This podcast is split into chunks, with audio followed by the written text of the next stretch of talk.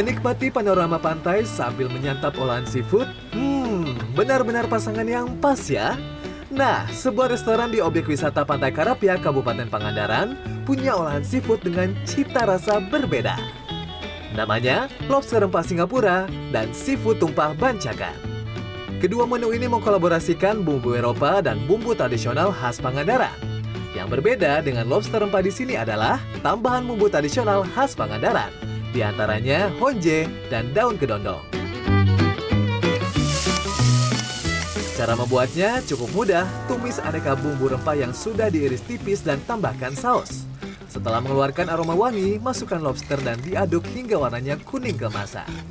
Kemudian siram dengan bumbu saus yang diinginkan, seperti saus padang, saus tiram, serta saus rahasia dapur Pali.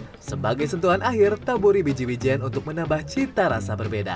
Sedangkan untuk seafood tumpah bancakan, proses memasaknya hampir sama dengan lobster rempah. Namun bahan olahan ini mencampurkan berbagai jenis seafood seperti kepiting, kerang, dan udang yang dipadukan dengan wortel, jagung, buncis, serta brokoli. Kolaborasi dari dua bahan berbeda ini menghasilkan cita rasa yang saling melengkapi. Disebut seafood tumpah bancakan karena porsinya besar cukup untuk lima orang. Istimewanya karena rasa rempahnya itu dapat ya, terus ada wijennya juga. Hmm, itu jadi kolaborasi ya? Iya, jadi rasanya unik gitu. Satu porsi lobster rempah dibanderol Rp150.000, sementara untuk seafood tumpah bancakan dibanderol Rp250.000.